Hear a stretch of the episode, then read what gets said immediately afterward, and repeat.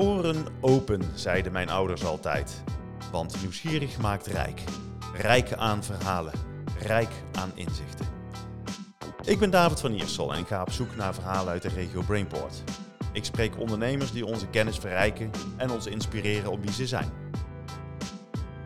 Fijn dat je luistert naar de podcast Wat is Zorg? Waarin ik wekelijks met Giranne Engwerda, eindverantwoordelijke van het Catharina Ziekenhuis, gasten ontvang om over de toekomst van de zorg te praten. Giranne brengt vakinhoudelijke kennis en nieuwsgierigheid mee en ik sla de brug naar het bedrijfsleven.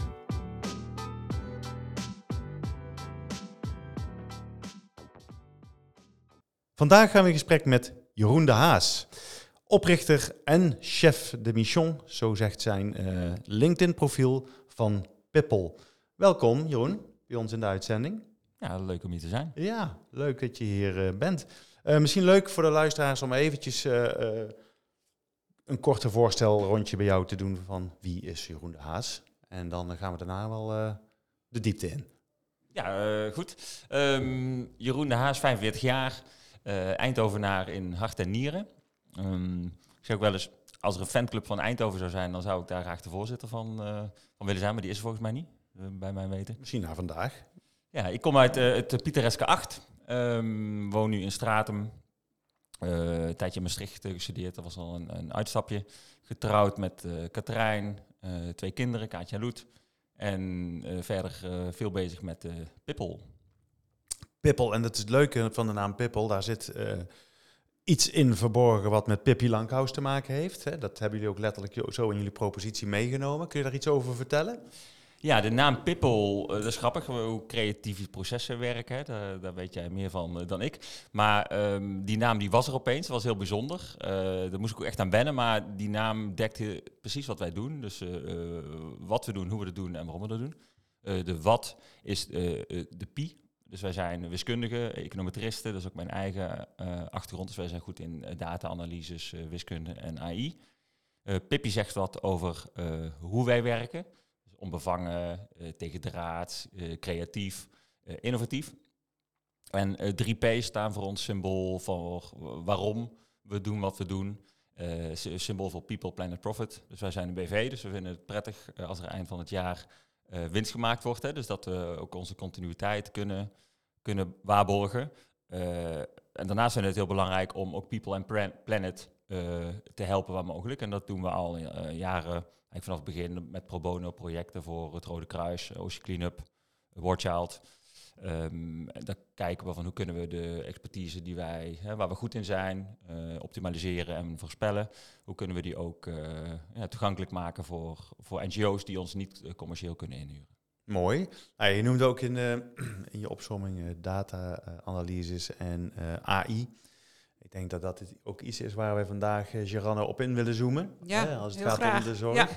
Want in een eerdere uit aflevering van, uh, van ons uh, hebben we het al eventjes dat aangeraakt. Maar dat is wel een, een speerpunt uh, bij jullie ook in het ziekenhuis en überhaupt in de zorg, toch?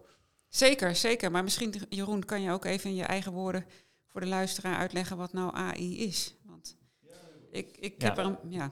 Ja, er zijn een aantal termen zeg maar, rondom de digitale transformatie. eh, zeg maar. Nou, één is data, dat, dat, dat weet denk ik iedereen wel wat dat is. Hè. Dus data die verzameld wordt in databases of op, op, op andere manieren. Eh, wij noemen het zelf eh, data science, ook een, een, een term zeg maar, in, in die wereld. En wij zeggen dan data is de grondstof waar wij mee werken. Dus we kijken in allerlei systemen van wat, wat zit daar voor, voor, voor data waar we analyse op kunnen doen. En science uh, zegt iets dat we dat op een wetenschappelijke manier doen. Dus met uh, wiskunde, statistiek en uh, artificial intelligence. Dat zijn dan eigenlijk methodes om waarde uit die data te halen. Een beetje hetzelfde als als je in de petrochemische industrie kijkt als olie. aardolie is de grondstof. En dan met scheikunde kun je daar ja, producten van maken. En wij zien het eigenlijk hetzelfde. Dus data is de grondstof waar wij mee werken. En science dat zijn wetenschappelijke uh, technieken om daar uh, kennis, uh, informatie uit te halen om, om de beste keuzes te maken. En jullie doen ook dingen in de zorg, hè? heb ik gezien. Ja, ja, sinds een paar jaar. Dus wij zijn, eh, ik zeg altijd, wij zijn eigenlijk een club econometristen. Dus dat is niet, dat is niet een, een, een, eh, een vak wat, wat traditioneel veel in de zorg doet. Dan zit je meer bijvoorbeeld in de logistiek, supply chain, het optimaliseren van, van logistieke processen. Wat wij veel doen eh, voor e-commerce bedrijven in warehouses, distributiecentra, transport, planning en zo. Dus planningsoptimalisatie. Um, maar in de zorg heb je ook veel logistiek. Heel veel, ja. ja.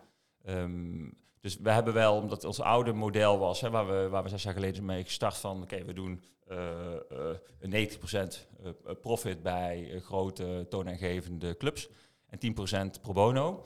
Um, zijn we ook gaan kijken, nou, kunnen we, kunnen we dat niet dichter bij elkaar brengen door ook de zorgmarkt in te gaan. Dus dat is ook een, een markt waar je, waar je natuurlijk enorme maatschappelijke impact kunt hebben. Heb je een voorbeeld? Ja, um, project wat we recent hebben afgerond. Nou, eigenlijk misschien is het leukste om mee te beginnen is wanneer wij echt de zorg in zijn gekomen. Dat is, dat is ruim twee jaar geleden. Um, dat was met de corona-uitbraak. Toen werden wij door, we waren al bij, met het Jeroen Bos ziekenhuis bezig wat meer strategisch met de raad van bestuur van hè, wat zou er nou kunnen met data en AI binnen ons ziekenhuis. Dus daar hadden we ehm, ja, wat, meer strategisch onderzoek naar gedaan. En toen kreeg ik op maandagavond, ergens in februari was het denk ik, hè, een, een, een belletje vanuit het Jeroen Bos van uh, kunnen jullie morgen hier naartoe komen? Want ja, er komt, ja, je hebt het zelf meegemaakt. Ja, ik heb het meegemaakt, ja. Er ja. komt zoiets onvoorspelbaars en dreigends op ons af. En we hebben gewoon geen idee hoe we daarmee om moeten gaan. En uh, toen hebben we samen met de Federatie van Medisch Specialisten en het Jeroen Bossiekenhuis hebben een, uh, binnen een week een, een capaciteitsplanningsmodel live gekregen binnen, het Jeroen Bossiekenhuis om op basis van simulaties van, van, van verwachte instromen en kijken van hoe lang blijven patiënten op de spoedeisende hulp, wanneer gaan ze door naar andere afdelingen, om, om zo forecast te maken van wat, wat hebben we dan over twee weken of over drie weken aan capaciteit nodig op de verschillende afdelingen binnen het, het COVID-ziekenhuis, zeg maar. Uh, en hoe moeten we daar nu al op voor sorteren door uh, mensen om te scholen, bijvoorbeeld. Dus dat was eigenlijk onze ingang in de zorg. Omdat daarvoor hadden we best wel wel wat gesprekken gevoerd. En was het wel ja, interessant, leuk. iedereen vindt het natuurlijk leuk en interessant. Maar er was eigenlijk geen urgentie. Um, en die was er vanaf dat moment wel. Ja. dus ja. dat was eigenlijk Um, ja, eigenlijk nadeel zijn voordeel. Voor ons was het een voordeel dat we onze toevoegde waarde, uh, ja, dat de urgentie zo ongekend hoog was, ja. dat ook uh, nood de wetten brak. Dus dat er opeens ook dingen konden die eigenlijk niet konden. Als je het puur even gaat kijken vanuit alle uh, wet en regelgeving. En ja, wij, wij, konden geen onboardingstraject zeg maar, van twee maanden in. Want ja, dan, het moest gewoon morgen allemaal klaar zijn. Ja, in, om dat in een week neer te zetten, dan ben je wel heel snel geweest, ja. Ja, en het ja. kan dus. Hè? Als, Ja. als het moet, Ja, dat, als het dat, moet, dat het. heeft het wel, wat mij betreft, dat is voor mij wel een eye-opener geweest. Van als het echt moet, dan kan het. Dan kan er heel veel, hè? Ja, Ja, ja. ja. En daarna zijn we ook eh, buiten ziekenhuizen, thuiszorg. eh, Maar wat, wat, wat, wat ging er eerst dan niet, wat nu in één keer wel kon? Als In die coronatijd. Ja, Nou, ik denk het feit dat jij gebeld bent van kom ons helpen. Hè, normaal eh, zou je rustig kennis maken en misschien een maand later nog een keer kennis maken en een bedrijfsbezoekje doen. En nu eh, van nou, kom aan boord en we hebben alle denkkracht nodig. Hè. Dat, is, Ja. dat is echt een andere manier van werken dan we normaal doen. mobiliseren. Ja, heel snel mobiliseren. Ja. En misschien ook eh, als het gaat om data beschikbaar krijgen. Eh, we hebben daar uitgebreide procedures voor in ons ja, ziekenhuis. en terecht. Ja, ja. dat, dat geloof ik. Ja. En dat, maar in de coronatijd gingen dingen gewoon echt anders. Ja. En dat moest ook. Ja. Hè? Dus is corona ook wel ergens goed voor geweest daardoor? wat mij betreft wel. Ehm, ja, voor mij persoonlijk dan wel. Dat ik dacht van oké, maar het- het- in, de, in de zorg, in een ziekenhuis, hè, kunnen wij met, vanuit ons vak ook iets toevoegen. Eh, dus ja, in die zin wel. Maar eh, ja, uiteindelijk had dat natuurlijk allemaal liever, liever niet gehad. Maar eh, het heeft wel wat dingen blootgelegd. dat we misschien wel heel erg alles dichtgetimmerd hebben. En ja, bepaald verandervermogen is toch wel essentieel ook om ons aan te blijven passen. Nou, wat ik, wat ik misschien als ik er iets aan mag toevoegen, wat ik heel mooi vind uit de coronatijd. Je leest nu bijna dagelijks rapporten over de, de uitdagingen voor de zorg en de tekorten in capaciteit. En we hebben het nou allemaal even gevoeld. Wat Ja. de afgelopen twee jaar gebeurd is, is eigenlijk wat over vijf of tien jaar staat te gebeuren. Ja, ja. Dus eh, als je er met, het is natuurlijk verschrikkelijk wat er gebeurd is. Maar ik denk als je er iets goeds uit kan halen, is het wel dat gevoel en, en dat gevoel van urgentie. Dat we echt moeten veranderen en echt dingen anders moeten gaan doen met elkaar. Want over vijf of tien jaar is dat de dagelijkse werkelijkheid. Die, die druk Ja. op onze mensen eh, en op de capaciteit. En dan ben ik benieuwd hoe, hoe jij, eh, hè, want je hebt nu de eerste ervaring gehad in het Jeroen Bos. Hoe kijk je naar andere ervaringen in de zorg en, en wat jullie aan technologie in huis hebben? Ehm, we zijn daarna ook wat op, op wat andere plekken in de zorg eh, terechtgekomen. Eh, th- thuiszorgorganisatie, verpleeg, verpleeginstellingen. Ehm, en daar hebben we... eh, nou, bij, voor ons is het wel prettig om, om, om een beetje volume te hebben. Hè? Dus we hebben voor een, voor een, een thuisorganisatie met, eh, hier in de buurt met 10.000 medewerkers... hebben we een, een oplossing gemaakt om eh, reistijden te optimaliseren. Omdat... eh, ze hebben 10.000 eh, eh, 10.000 medewerkers, 50.000 cliënten. Dat is- een enorm aantal kilometers aan reisafstand. Wat, ja, wat eigenlijk zonde is. Hè. Tuurlijk, natuurlijk, een deel is nodig. Maar liever ben je die tijd kwijt aan zorg. En door andere toewijzingen te maken zeg maar, van, van cliënten aan, aan thuishulpmedewerkers, konden we eh, 10% besparen in, in reisafstanden, reistijd. En dat is ja, tijd die, die zinvoller besteed kan worden aan de zorg van, eh van Dus-. Ja. Het efficiënt eh, maken van de tijd, zeg maar. Het inzetten van de tijd. Want ja, kijk, je kunt dingen, eh, vaak kunnen dingen slimmer. Nou, wat wij, waar wij nu zes jaar ervaring in hebben, is bij eh, Jumbo, Coolblue, Kruidvat, eh, eh, dat soort organisaties eh, eh, eh, bedrijfsprocessen eh, optimaliseren. Eh, er, is ook, er zit ook een eh, urgentie, omdat al die bedrijven zijn in concurrentie. Hè, met, Ja. met, met, dus die moeten wel eh, slimmer, efficiënter werken. In de zorg is dat misschien iets minder, die, die urgentie, omdat er ook minder concurrentie is. Ehm, eh, maar je ziet wel dat, eh, ja, dat de, eh, de, de kansen daar eigenlijk net zo groot eh, zijn. En Nou, ik hoorde straks van jou dat, dat er wel degelijk, althans in een vorige podcast moet ik zeggen, dat er wel degelijk concurrentie is tussen de ziekenhuizen. Is dat dan niet zoals in het bedrijfsleven of hoe moet ik, Ik, dat dan denk zien? dat dat eh, een andere orde van grootte is dan in het bedrijfsleven. Want uiteindelijk ga je eh, ook samenwerken als het gaat om kwaliteit van zorg. En onze urgentie zit nu vooral echt wat jij ook benoemt in de capaciteitstekorten. Ja. Hè, dat wij eh, eh, meer patiënten moeten behandelen dan we kwijt kunnen. En, eh, en onze mensen eh, ook echt, eh zo niet oppassen, eh, hard moeten werken. Terwijl je, als je het slimmer organiseert, misschien veel meer kan doen met dezelfde Ja. mensen op een rustige manier. Mhm. Ja.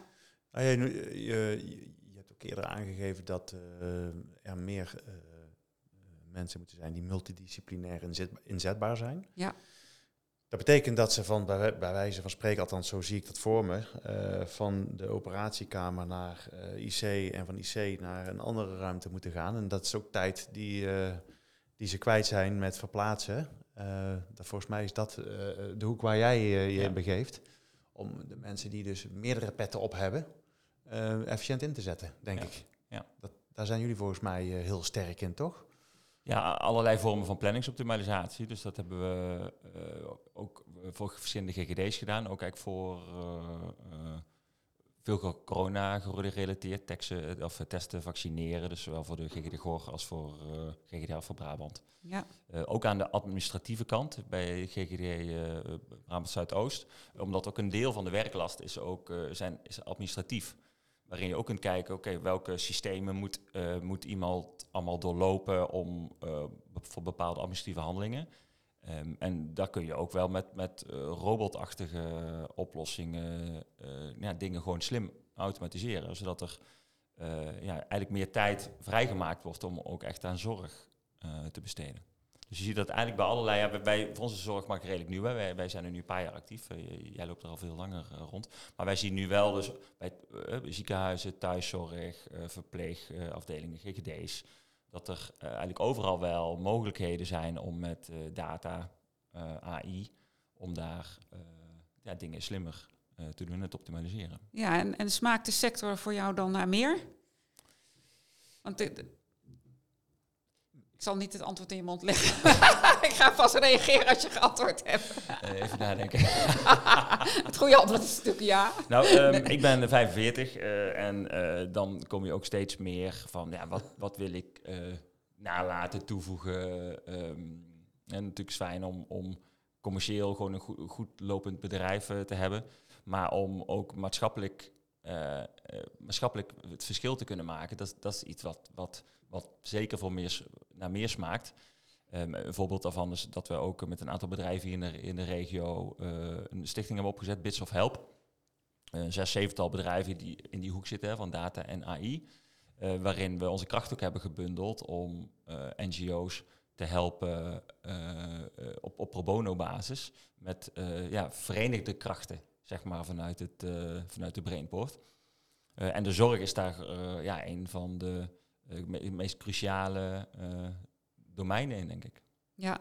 En waar nog, waar nog veel te, te winnen ook ja. is, omdat uh, de, de, ervaring die ik dan, beperkte ervaring bij de ziekenhuizen die wij hebben, is dat het een, dat het een andere dynamiek is dan dat ik bijvoorbeeld bij thuiszorgorganisaties of zo uh, zie, dat het toch qua besluitvorming wat uh, voor mij duidelijker is. en in ziekenhuizen merken we, maar dat kan ook onze eigen onervarenheid voor kunnen zijn, dus dat het lastiger is om alle stakeholders daarin mee te krijgen. Ja, ik, ik, denk dat je een vinger op de zere plek legt. Hè? Dat, uh, we zijn natuurlijk een grote organisatie en hebben wij, David en ik het ook eerder over gehad, met heel veel professionals. En uh, daar moeten we ook echt in doorontwikkelen om dit soort dingen slimmer en sneller te doen. En het tweede waarom ik deze vraag ook stelde, is dat het in de zorg ook nog best wel soms lastig is om die data goed ter beschikking te krijgen. Hè? En ook op een uh, veilige manier. Ehm, maar daar, daar hoor ik jou niet over, dat dat een belemmering is. Dat je dat als, als hobbel hebt ervaren. Dus, nee, nee, Niet, uh, nog niet echt. Uh, nee. De EPD's, hè, dat, dat is natuurlijk allemaal data waar je heel zorgvuldig mee om moet gaan. Maar waar je wel, wij werken natuurlijk altijd samen met, met, met ook de, de IT-specialisten ja. uit het ziekenhuis. Dus die zorgen wel dat er de juiste datasets beschikbaar zijn, geanonimiseerd. Zodat we ja. daar, dat, dat hebben we ook helemaal niet nodig. Ja. Um, maar ja, als, je, als je bijvoorbeeld vanuit de EPD's kijkt, dan is dat toch wel een hele mooie, waardevolle databron om... Om dit soort dingen mee te doen. Ja, ja, ja. bijvoorbeeld ook om meer gepersonaliseerde zorg te doen. Dat doen we met Jeroen Bos ziekenhuis al een aantal jaar samen. Om te kijken hoe kunnen we veel meer ja, op basis van data uh, gepersonaliseerde zorg uh, bieden. Omdat nou, de huisarts die ik vroeger had, had ja, daar had je echt een relatie mee. Als een huisarts, niet een ziekenhuis per se, maar die kende heel je familie. En nu, nu, nu zit je bij een gezondheidscentrum waar, ja, waar, waar ze mij minder goed kennen. Dat is niet, dat is niet erg, hè? Dat, dat, is, dat is ook de tijd. Maar op basis met, met de, de data die je hebt, kun je wel uh, ja, bijvoorbeeld kwetsbare ouderen beter identificeren. Of, of ja, betere gepersonaliseerde zorg bieden. Dus ik denk dat de zorg, wat dat betreft, vind ik het niet, valt mij, ja, ik zie weinig verschil in datakwaliteit, beschikbaarheid van data tussen de zorg en, en andere nou, domeinen is, waar wij actief zijn. Dat is goed nieuws, vind ik. Want dan is die basis er dus om, uh, om dit soort dingen verder ja, te gaan toepassen. Ja. ja. Maar waar loop, waar loop, jij dan zelf tegenaan? Want laten we eens beginnen bij de pijn. Waar, zijn er nog, waar is nog terrein te winnen? Nou, als het gaat over capaciteitsplanning en het goed inzetten van mensen en middelen, is, is zeker nog heel veel te winnen. En uh, binnen de muren van het ziekenhuis, maar ook zeg maar in het ecosysteem hè, van, uh, met huisartsen en ja. met de ouderenzorg en de thuiszorg. Ehm, waar wij ook wel mee bezig zijn, is, is artificial intelligence inzetten meer voor diagnostiek. Hè? Ja. Dus, of met laboratorium of pathologie of ehm, rondom intensive care zorg, dat soort dingen. Ook om, om ja, de, de, kwaliteit daarvan te verbeteren, maar ook uh, het efficiënter te gaan doen. En, en medewerkers te ontzorgen op die twee domeinen. En waar ik tegenaan loop is, ja, het is allemaal nog echt in de ontwikkelfase. Het ja. is nog geen onderdeel van onze reguliere manier van werken. Dus je ziet een aantal koplopers, mensen die dat omarmen en die het leuk vinden, die ermee aan de slag gaan. Maar het is niet echt onderdeel van onze manier van werken. Dus volgens mij is het echt belangrijk dat dat de komende jaren wel gaat gebeuren. En wat ik ook nog wel spannend vind, is wat jij ook wel zegt van, vertrouwen mensen dit straks? Hè? Het is toch een computer die dan op een gegeven moment uh, een soort van advies geeft, of een soort van richting geeft, of een planning afgeeft. En mensen in de zorg zijn heel erg gewend om met mensen te werken. En vertrouwen te hebben in mensen. Maar je moet ook dit soort technologie moeten we met elkaar leren vertrouwen. Ja. Zie je dat ook? Ja, uh, maar dat zie ik ook bij andere sectoren. Uh, bijvoorbeeld uh, bij transportplanning. Bij allerlei planningsvraagstukken. Dan als jij een, een, een oplossing aan gaat bieden en zegt van dit, is, dit, is, dit is de oplossing, succes ermee. Dan is de kans dat dat geadopteerd wordt is, is niet zo groot. Omdat niks is perfect. Dus er gaan ook, daar gaan ook dingen mee fout. Dus wat onze ervaring is, is juist het, het, voorproces om het samen te ontwikkelen met de planners bijvoorbeeld, dat dat cruciaal is om, om ze ook vertrouwen te, te laten krijgen in de oplossing. En dat komt te voet, dus dat, dat, dat, ja, dat duurt ook even. Moet je echt wel veel tijd en energie insteken, zodat, zodat, ja, zodat mensen dat vertrouwen ook, ook op kunnen bouwen. En daarnaast zie ik het ook altijd als een ondersteunend iets. dus dus beslissing ondersteunen. Het is niet zo dat, dat je een planning over moet laten of een diagnose over moet laten aan een computer. Nee. Maar het, het, kan je wel helpen nou, als je bijvoorbeeld in de tra transportplanning kijkt, dan zie je die distributiecentra waar die vrachtwagens zeg maar vertrekken. Um, ze komen steeds later aan, die vrachtwagens, en ze moeten steeds uh, vroeger weg. dus het was allemaal op dezelfde dag bezorgen of, of, of, of, ochtends vroeg. dus de, de time window waarin die planners hun planning af moeten krijgen, wordt steeds kleiner. Ja. En dat zorgt voor heel veel stress. Ja. En als ze gewoon een hele goede conceptplanning krijgen. En dan zelf eens te kunnen kijken, oké, dit klopt niet, want hier is iets bijzonders aan de hand, staat niet in het systeem, maar weet ik toevallig, hè, omdat daar uh, wegwerkzaamheden zijn, of nou kan van alles zijn. Dus natuurlijk moet je ook gewoon de, je menselijke kennis en ervaring blijven gebruiken. Uh, maar als jij gewoon al een heel goed voorstel krijgt, een planning of een diagnose, dan kan het jou wel helpen om, om alleen de dingen te doen waar je ook echt toegevoegde waarde hebt. Ja, dus je zegt eigenlijk, als je hiermee aan de gang gaat, moet je het heel erg samen doen. En dat vertrouwen, da daardoor ontwikkel je ook het vertrouwen in, in wat het wel en wat het niet kan en wat de grenzen er ook van ja. zijn. Ja. Ja, ja. Maar de opschaalbaarheid, hoe zie je dat dan? Want op een gegeven moment heb je iets ontwikkeld. Heb je een, en hoe, dan is het toch mooi als het op heel veel plekken en ook in andere bedrijven of in andere zorgorganisaties gebruikt kan worden? Ja, dat, dat doen we ook. Dus uh, sommige dingen zijn ook herbruikbaar. Maar ik um, ken ze niet goed genoeg, maar ik denk niet dat het Katrine ziekenhuis en het Jeroen Bos ziekenhuis dat dat exact dezelfde ziekenhuizen nee. zijn. natuurlijk zijn ziekenhuizen met dezelfde uh, aantal dezelfde maatchappen, afdelingen. Um, uh, maar heel, ja, wij, dat komt misschien ook omdat wij ook, wij maken alleen maar maatwerkoplossingen. Dus um, voor, uh, voor het MKB denk ik dat de standaardoplossing best wel uh, prima kan zijn. Maar voor wat grote organisaties, net zoals het Katrine ziekenhuis, ja. ja, zul je toch ook maatwerkoplossing moeten ontwikkelen. Waarbij misschien 80% hetzelfde is als in andere ziekenhuizen. Maar waar, waarmee je juist de dingen waar het Katrine ziekenhuis zich in onderscheidt, anders doet, belangrijker vindt uh, ook uh, goed in mee kunt nemen. Ja. Maar ik denk dat het ook heel goed is om, uh, want je, je stelt de vraag van of ze ook ervaring in andere zorg, bij zorgpartijen hebben. Maar het is misschien ook goed om juist even te kijken naar de transport bijvoorbeeld. Want juist in, in, in een heel ander métier kijken naar bepaalde oplossingen kan heel verfrissend werken. En we zijn ons misschien te veel aan het blind staren op onze eigen branche. Hè. Ik bedoel, uh, of het nou de zorg is of een andere branche, maakt het niet zoveel uit. Maar het is volgens mij heel fris en gezond om eens een keer, uh, uh, zoals Rob Adams dat wel eens nou, zegt, vreemd te kijk gaan. Eens, nou, jij, kijk eens wat ik opschrijf. Rob Adams. Ja. Vriend van de podcast, in ieder geval vriend van 24 uur. Ja. Um, af en toe moet je een keer goed vreemd gaan, Ja. hè, volgens Rob Adams. Ja. zakelijk dan, denk ik. dat Ja, nee, wel, tuurlijk. ja. En dat, is, dat is wat wij, wij, ook in principe doen nu in de zorg. Hè, omdat wij met name voor financiële instellingen en logistiek werken. Ja. Om, ja, wij gaan nu eigenlijk ook voor ons, voor, voor de econometrist, ook een beetje vreemd in de zorg. en dat vinden we ook heel spannend, omdat we die wereld natuurlijk minder goed kennen. Maar ja, ik denk wel dat, dat, dat sectoren veel van, van, van elkaar kunnen leren. Omdat een aantal, als je de financiële wereld kijkt, die zijn gewoon heel goed in risicomodellering. Want dat is de kernactiviteit van een, van een bank of een verzekeraar. Want dat is het risico dat jij jouw lening niet terugbetaalt, je hypotheek niet terugbetaalt, of dat je auto uh, totaal los rijdt. Uh, logistiek is gewoon heel goed in planningsoptimalisatie.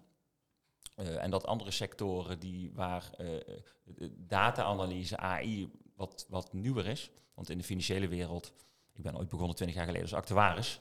Dan maak je zeg maar de risicomodellen voor, voor verzekeraars. Dat is een vak dat bestaat al 100 jaar. Um, dus daar is gewoon heel veel kennis en ervaring op gedaan, waar andere sectoren, denk ik, best iets van, van kunnen leren. Ja. Maar ik denk dat wij in een transitiefase zitten, waarin we de ogen, de, nou, laten we zeggen, de zintuigen open hebben staan uh, voor verandering. daar zitten we ook gewoon middenin. Um, hè, we weten dat data heel erg belangrijk is en dat, dat, moet ook. We moeten met de tijd mee. zoveel is ook zeker. En ik hoor veel vraagtekens. Maar nu ga ik even een stapje verder. Ik wil de toekomst inkijken. Wat gaat er eigenlijk gewoon veranderen? Wat gaat er echt veranderen? Dat we nu gaan we dit allemaal aanscherpen, dus de data wordt nog beter. Dus nou, dat geloof ik wel over de komende twee, drie, vier jaar. Maar wat voor grote veranderingen mogen we verwachten, uh, ook op jouw vakterrein, uh, over een jaar of tien? Hoe gaat, hoe gaat het landschap er dan uitzien? Of misschien mag je gewoon je eigen droom schetsen daarin, ook goed. Ja, dat... dat um... Hebben we een glazen bol hier staan of zo? Nee, ik zie daar een schaal met koekjes, maar... Nee, maar kunnen we, eens, kunnen we eens verder kijken? Want volgens mij zijn wij, of misschien zijn wij van de, generaties eh, die hier aan tafel zitten, die uh, heel erg uh, nog vijf jaar vooruit kunnen kijken. Maar zijn wij dan nog eigenlijk nog wel, is onze houdbaarheidsdatum eigenlijk wel oké? En ook zelfs voor een bedrijf als Pippel moet je ook niet gewoon uh, ja, mensen van de andere generatie ook aan je binden zeg maar, om fris te blijven. Ja, dat, dat doen we ook wel, want dat, uh, ons vakgebied in ieder geval data science uh, is, is relatief nieuw, dus er komen veel uh, jonge, jonge mensen. Ehm, ik vind het persoonlijk lastig om, om, om vijf jaar vooruit te kijken. Ik ben geen trendwatcher. Um, maar je ziet wel een aantal trends, is dat de hoeveelheid data elk jaar toeneemt. Je ziet een trend dat personeel uh, die, dat dat een... Uh, ja, dat is tekort. Een tekort, ja. dat zie je nu sterker dan, dan ooit.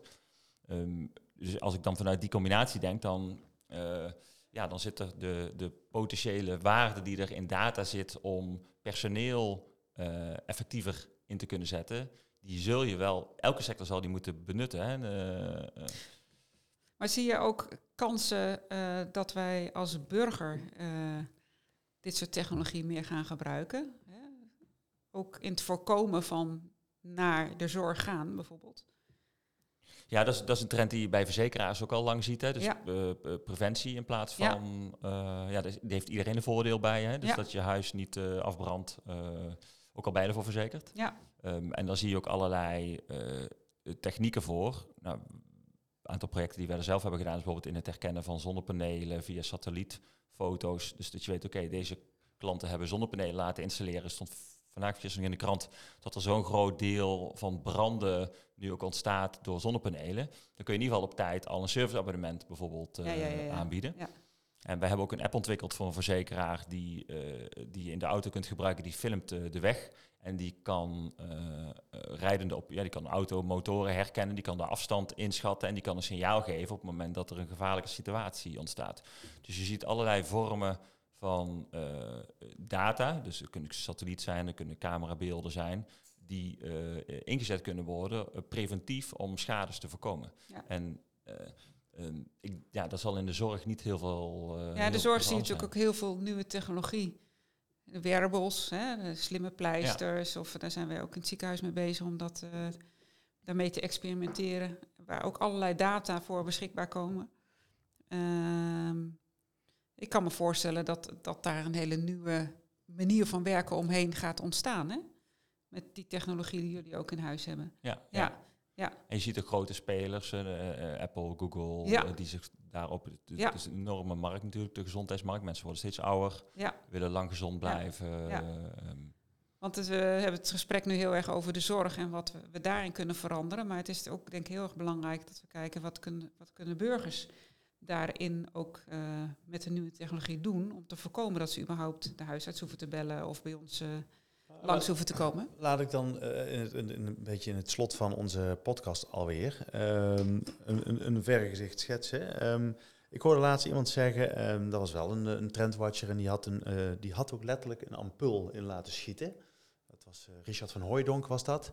En eh, ik was dagvoorzitter die dag en hij liet zien van ik heb hier zo'n dingetje zitten. En die kan eh feilloos aflezen, en liet op het grote scherm zien, eh, van ja, ik ben nou eh, hier, ik heb 37, ik ben 37 graden. En, maar als er iets gebeurt, kan hij dat al enigszins detecteren. Dus is dat zeg maar de stap naar de toekomst? Willen we dat? Ja, dan kunnen we dat op onze smartphone aflezen, hoe dat ik me voel? Of dat er een een of andere COVID aan zit te komen? Of is dat waar we naartoe gaan? Nou, ik denk dat, willen we dat? dat, dat Ja, dat is, dat is de vraag. Er zit ook een moreel stukje Ja, in, precies. hè? dat is een vraag die... 100%. v- Heel veel dingen zijn technologie gedreven, omdat er Silicon Valley achter zit en eh, allerlei eh, businessmodellen achter zitten. Eh, waar je dan maar de vraag moet stellen van, willen we dat eigenlijk wel? Ik vind het ook best wel beangstigend af en toe hoor. Ik Ja. heb ook zelf... ja, een, eh, Een oude Nokia laat je nou even zien. Ja, voor de mensen thuis die dat dus niet kunnen zien. een Een Rutte-telefoon waar maximaal 20 berichten op kunnen. Nee, ideaal. Ja, ik, ik, ehm, ik heb het gedaan om, om, mijn, om mijn eigen prikkels wat te, te, te minimaliseren. zeg Ja, maar. ja. Ehm, maar ik wil ook gewoon helemaal niet dat, eh, dat bedrijven die daar hele andere normen en waarden op nahouden in, eh, in, in Silicon Valley allerlei dingen van mij weten die ik helemaal niet wil ja, d- dat ze weten. Eh, dus ik denk dat hier ook gewoon wel een, maatschappelijke vraag is van wat willen wij als eh, samenleving, als overheid, eh, wat, wat is onze rol daarin? En laten we dat aan de markt over? Of vinden we ook dat, nou, dat zou dus hetzelfde kunnen zijn voor Facebook bijvoorbeeld, dat soort essentiële eh, digitale diensten, dus een netwerkdienst of het, eh, het herkennen van, eh, van, van mogelijke ziektes, willen we dat aan de markt overlaten of willen we dat als samenleving eh, eh, eh, zelf Organiseren. organiseren en in eigen beheer ook houden, zodat we ook eh, niemand kan die, die algoritmes van, van, eh, van techbedrijven controleren. Nee. Ehm, dus Dus eigenlijk kort samengevat eh, is data eh, eigenlijk eh, ja, een primaire behoefte aan het worden, of is het al. Maar moeten we in ieder geval het moraal niet uit het oog verliezen. Is dat een beetje een soort mooi slot voor deze podcast, of kan die niet? dat goed, hè? Ja, ik zou er nog aan toe willen voegen met heel veel kansen ook. En met heel veel kansen. Nou, graag toevoegen, zeker. Dan gaan wij... Ja, jij wou nog iets Ja, toevoegen? dan zou ik willen toevoegen. Ja, kom op. ehm, eh, with a purpose. Hè, ehm, With a purpose. Eens. Pay als data science with purpose. Dus laten we ook goed kijken hoe we onze maatschappij eh, beter kunnen maken. En eh, nou, data, AI is daar zeker een, eh, een mooi middel voor. Duurzaam, Nooit, nooit ja. een doel, maar wel een middel om, om de wereld een beetje mooier te maken. Ik pak de kers en ik zet hem er bovenop. Dankjewel Jeroen voor jouw bijdrage in deze podcast. Met plezier. Tot zover deze aflevering van Wat is Zorg. Dank voor het luisteren. Blijf ons volgen op LinkedIn en Instagram en deel vooral je luisterervaring, zodat ook jij anderen inspireert.